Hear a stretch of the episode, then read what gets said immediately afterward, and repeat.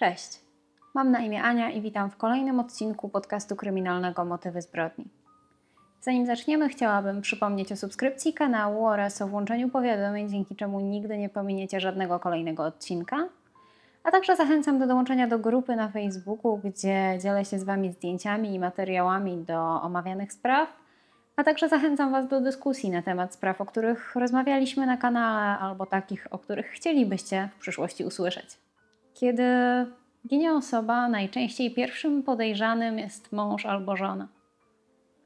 I bardzo często te podejrzenia mają wiele wspólnego z prawdą.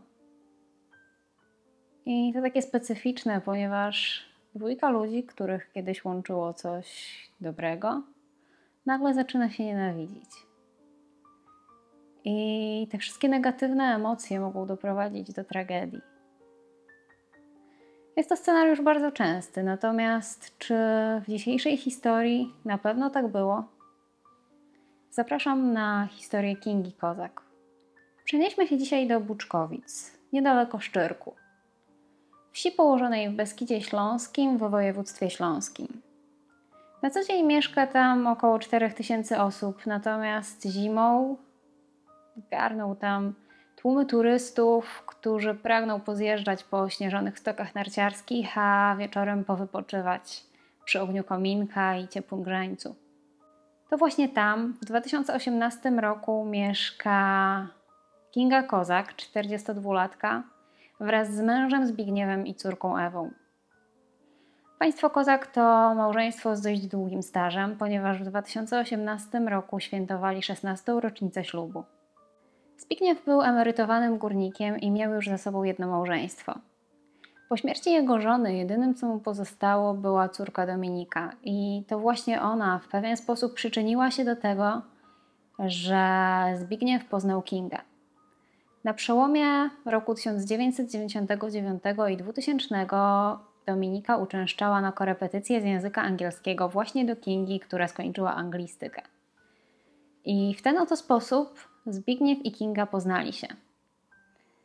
Mężczyzna i 12 lat od niego młodsza kobieta zaczęli się spotykać, a bardzo niedługo doszło do ślubu. A niedługo potem para wzięła ślub.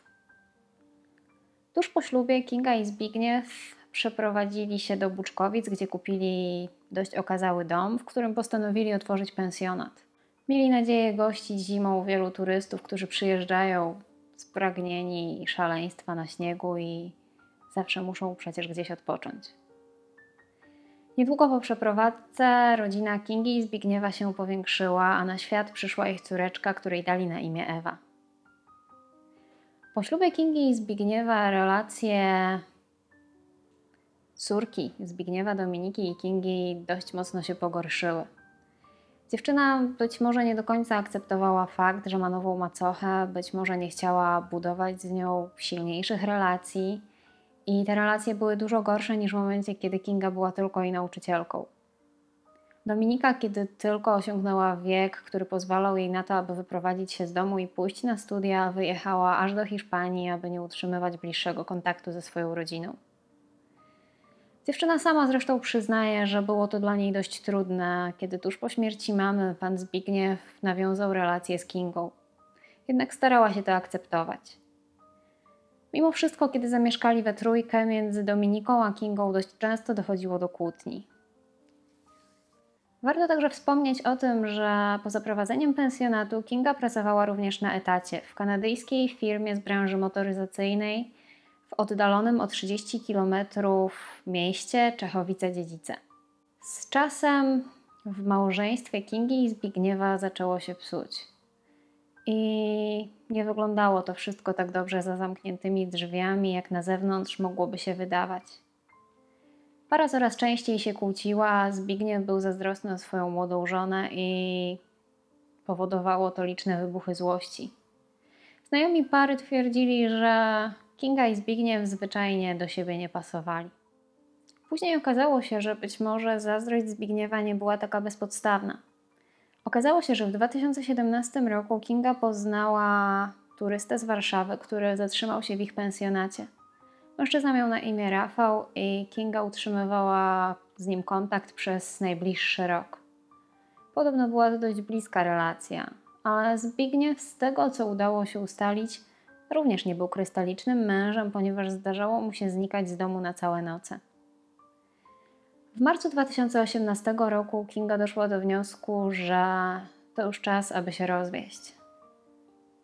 Kobieta miała 42 lata, nadal wyglądała atrakcyjnie, miała dość szczupłą sylwetkę. Nie była wysoka, miała jakieś 165 cm wzrostu, miała blond włosy i być może po prostu chciała ułożyć sobie życie od nowa. Kobieta mówiła swoim rodzicom, że jest psychicznie zmęczona tą relacją ze Zbigniewem i nie ma już siły tego ciągnąć. Zresztą rodzice Kingi także byli dość sceptyczni, to właściwie od początku do relacji i tego związku ich córki z 12 lat starszym mężczyzną. Dość szybko sąd wyznaczył termin pierwszej rozprawy rozwodowej, bo 13 sierpnia 2018 roku Kinga pojechała do domu swoich rodziców, gdzie zostawiła swoją córkę Ewę, a także poprosiła swojego tatę, aby pojechał na tą rozprawę, gdzie miał być świadkiem i wszystko miało odbyć się w sądzie rejonowym w Bielsku Białej. Tego dnia Kinga pożegnała się ze swoją mamą i kobieta wspomina, że było jakoś tak inaczej. Że córka ją wyściskała tak, jakby już nigdy miały się nie zobaczyć.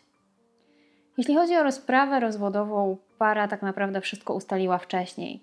To miała być właściwie tylko formalność. Ustalili, że rozwód odbędzie się bez orzekania o winie i bez publicznego prania brudów. Doszli również do wniosku, że spróbują sprzedać dom i podzielić się pieniędzmi, a jeżeli to się nie uda przez dłuższy czas, to Kinga wraz z ich córką Ewą zamieszkają na parterze, natomiast Zbigniew wyprowadzi się na piętro domu. Również wysokość alimentów mieli już ustaloną. Jednak w sądzie wszystko poszło nie tak. Wszystko poszło zupełnie inaczej niż Kinga się tego spodziewała, ponieważ Zbigniew doszedł do wniosku, że on jednak chce ratować to małżeństwo i para nie dostała rozwodu. Po rozprawie Kinga odprowadziła swojego tatę na dworzec w Bielsku Białej, po czym sama miała jechać do pracy. To tam mężczyzna widział ją po raz ostatni. Później tego samego dnia, tak jak wspominałam, Kinga miała jeszcze jechać do pracy i miała również umówione spotkanie z prawnikiem. Była też w galerii handlowej, gdzie robiła jakieś niewielkie zakupy i stamtąd dzwoniła do swojej mamy.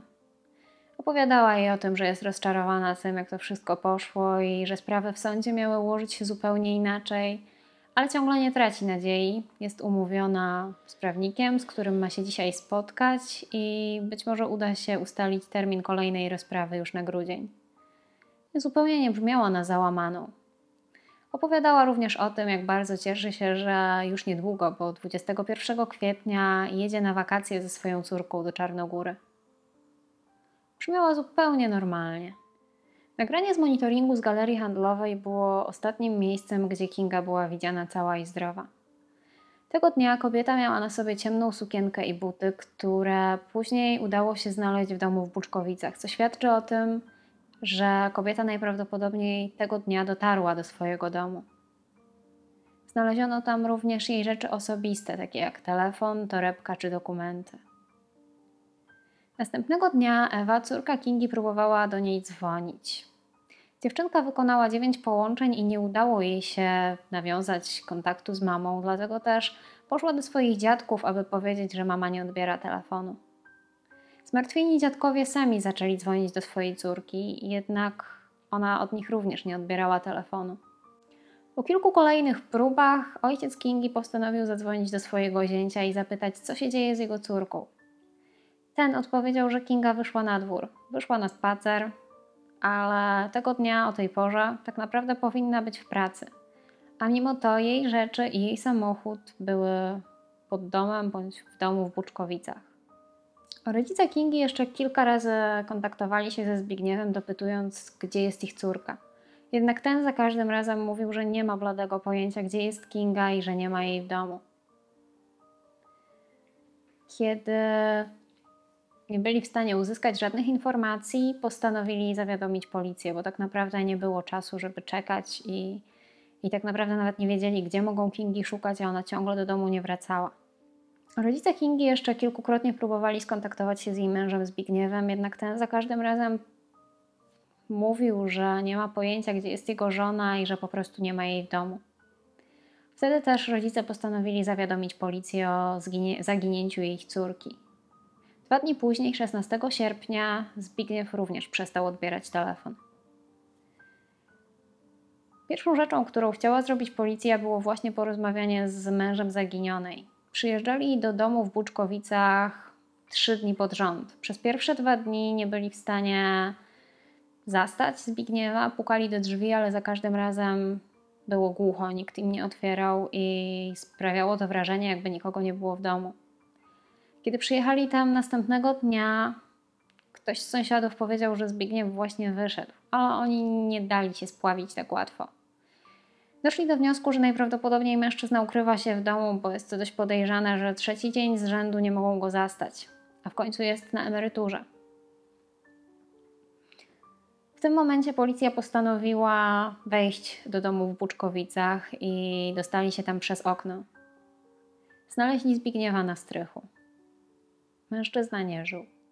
Na pierwszy rzut oka wydawało się, że było to samobójstwo, natomiast prokuratura badała tą sprawę dość ogólnie, ponieważ nie można było jednoznacznie wykluczyć też żadnych innych możliwości. Jednak w trakcie śledztwa ani nie znaleźli nic, co potwierdza którąkolwiek z możliwości, ani wyklucza. Policja postanowiła sprawdzić również i przeanalizować dane z telefonów e, Kingi i Zbigniewa. Dzięki temu chcieli w jakikolwiek sposób odtworzyć ostatnie dni małżeństwa państwa Kozak. I tak okazało się, że telefon Zbigniewa logował się 14 sierpnia o 10.18 rano w wieży BTS w Ustroniu, natomiast następnego dnia w Wiśle. Natomiast telefon Kingi w tego ostatniego dnia, kiedy rodzina miała z nią kontakt, czyli 13 sierpnia, logował się około godziny 20 w Puczkowicach. Następnie od 21.11 do 21.48 w Wiśle. I następnie od 22.00 ponownie w Buczkowicach. W związku z informacjami, które udało się policji wyciągnąć po przeanalizowaniu danych telekomunikacyjnych, postanowili zacząć przeszukiwać teren. I rozpoczęli od przeszukiwania terenu w okolicy miejscowości Wisła, w okolicy zbiornika czernińskiego, a także w samego zbiornika oraz rejony przyległe do miejscowości, w której państwo Kozak mieszkali, czyli Buczkowic. E, do przeszukiwania zaangażowano Straż Pożarną, psy tropiące, sonary, a także oczywiście funkcjonariuszy policji, jednak cała ta akcja poszukiwawcza nie przyniosła zupełnie żadnych rezultatów. Policja zabezpieczyła także telefony należące do Kingi oraz Zbigniewa, a także cztery laptopy do dalszej analizy. Przeszukano także bardzo dokładnie dom w Buczkowicach, aby znaleźć cokolwiek, co mogłoby ich naprowadzić na to, co tak naprawdę wydarzyło się w tym domu kilka dni wcześniej. Działania policji niestety nie przyniosły zbyt dużych rezultatów. W sprawę zaangażowali się także jasnowidzowie i, i również ten najpopularniejszy w Polsce Krzysztof Jackowski. Według jego wizji Kinga żyje i ukrywała się niedaleko domu w mieście Bielsko-Biała. Policja nadal pracowała nad sprawą zaginięcia Kingi i nad tym, co stało się z jej mężem. I takim kolejnym krokiem tutaj była analiza tych urządzeń, które zostały zabrane z domu państwa Kozak, czyli laptopów i telefonów. Po przeanalizowaniu tego wszystkiego, co udało im się tam znaleźć, okazało się, że relacja Kingi i wspomnianego już wcześniej Rafała, turysty z Warszawy, była bardzo intensywna i, i też bardzo bliska. Byli ze sobą w bardzo bliskim kontakcie i często ze sobą rozmawiali bądź też pisali. Natomiast na podstawie tych rozmów nie udało się absolutnie znaleźć żadnych informacji, które mogłyby naprowadzić policję na to, że Kinga planowała jakąkolwiek ucieczkę. Rafał również został przesłuchany w sprawie zaginięcia Kingi. Mężczyzna zeznał, że poznali się w 2017 roku, kiedy przyjechał do Buczkowic i wynajął pokój w pensjonacie Kingi i Zbigniewa. Bardzo szybko zauważył, że w małżeństwie właścicieli pensjonatu nie układa się najlepiej i wtedy też zaprzyjaźnił się z Kingą. Wymienili się jakimiś danymi, które pozwoliły im utrzymywać kontakt, nawet kiedy on wrócił do Warszawy. I tak naprawdę rozmawiali ze sobą bardzo często, a ostatni raz mieli ze sobą kontakt w dniu, kiedy Kinga zaginęła, czyli 13 sierpnia około godziny 17.52. Mężczyzna twierdzi, że podczas rozmowy Kinga absolutnie nie sprawiała wrażenia, jakby się czegoś bała, czy jakby cokolwiek mogło jej grozić. Potwierdził również, że kobieta nigdy nie wychodziła z domu, zostawiając swój telefon, i to było dość podejrzane, że te telefony zostały odnalezione w domu w Buczkowicach. 4 września 2018 roku policja przesłuchała także bliską koleżankę Kingi, Małgorzatę. Kobieta powiedziała, że Zbigniew był bardzo zazdrosny o swoją młodą żonę, że przeszukiwał jej rzeczy i że w domu często wybuchały awantury. I powiedziała też o tym, że Kinga bardzo niechętnie wracała do domu po pracy do swojego męża i nie lubiła spędzać z nim czasu.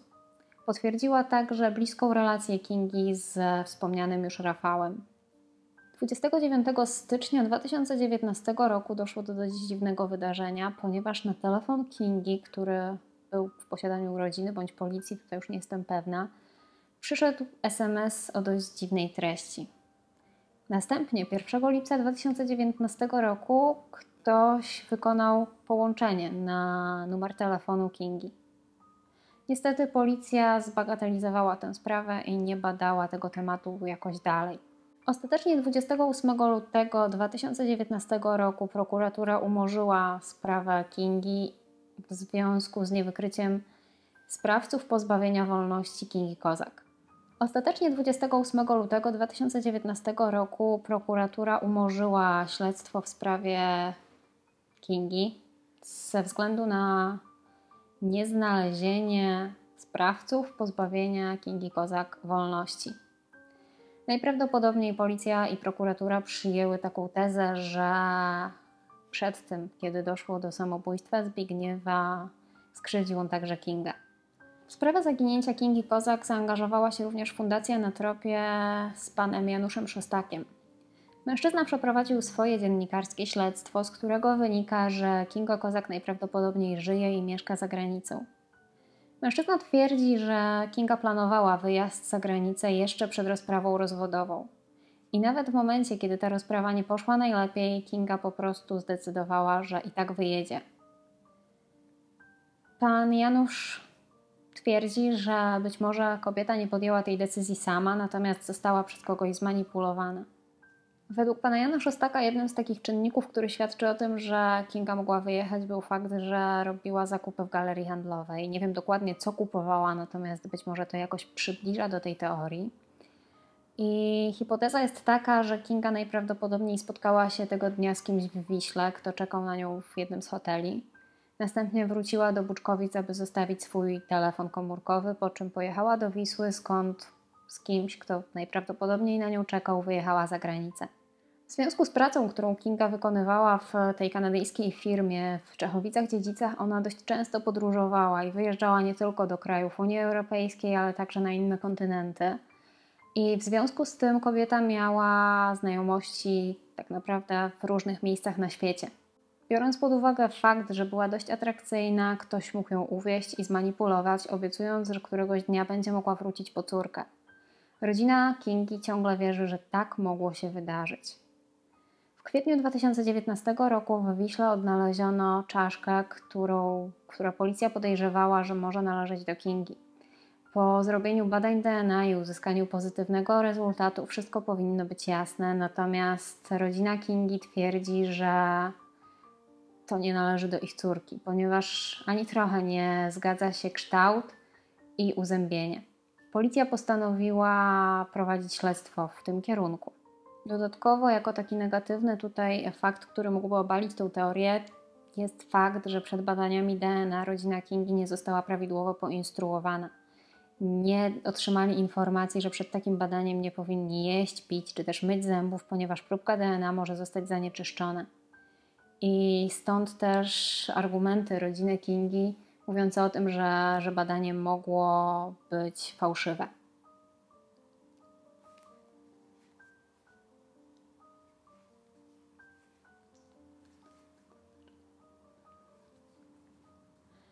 Rok później pojawiła się informacja, która wzbudziła nadzieję w całej rodzinie. 17 stycznia 2020 roku w centrum Warszawy pewna studentka o imieniu Aleksandra wracała z uczelni tramwajem do domu. W tramwaju zobaczyła twarz kobiety, która wydawała jej się tak bardzo znajoma.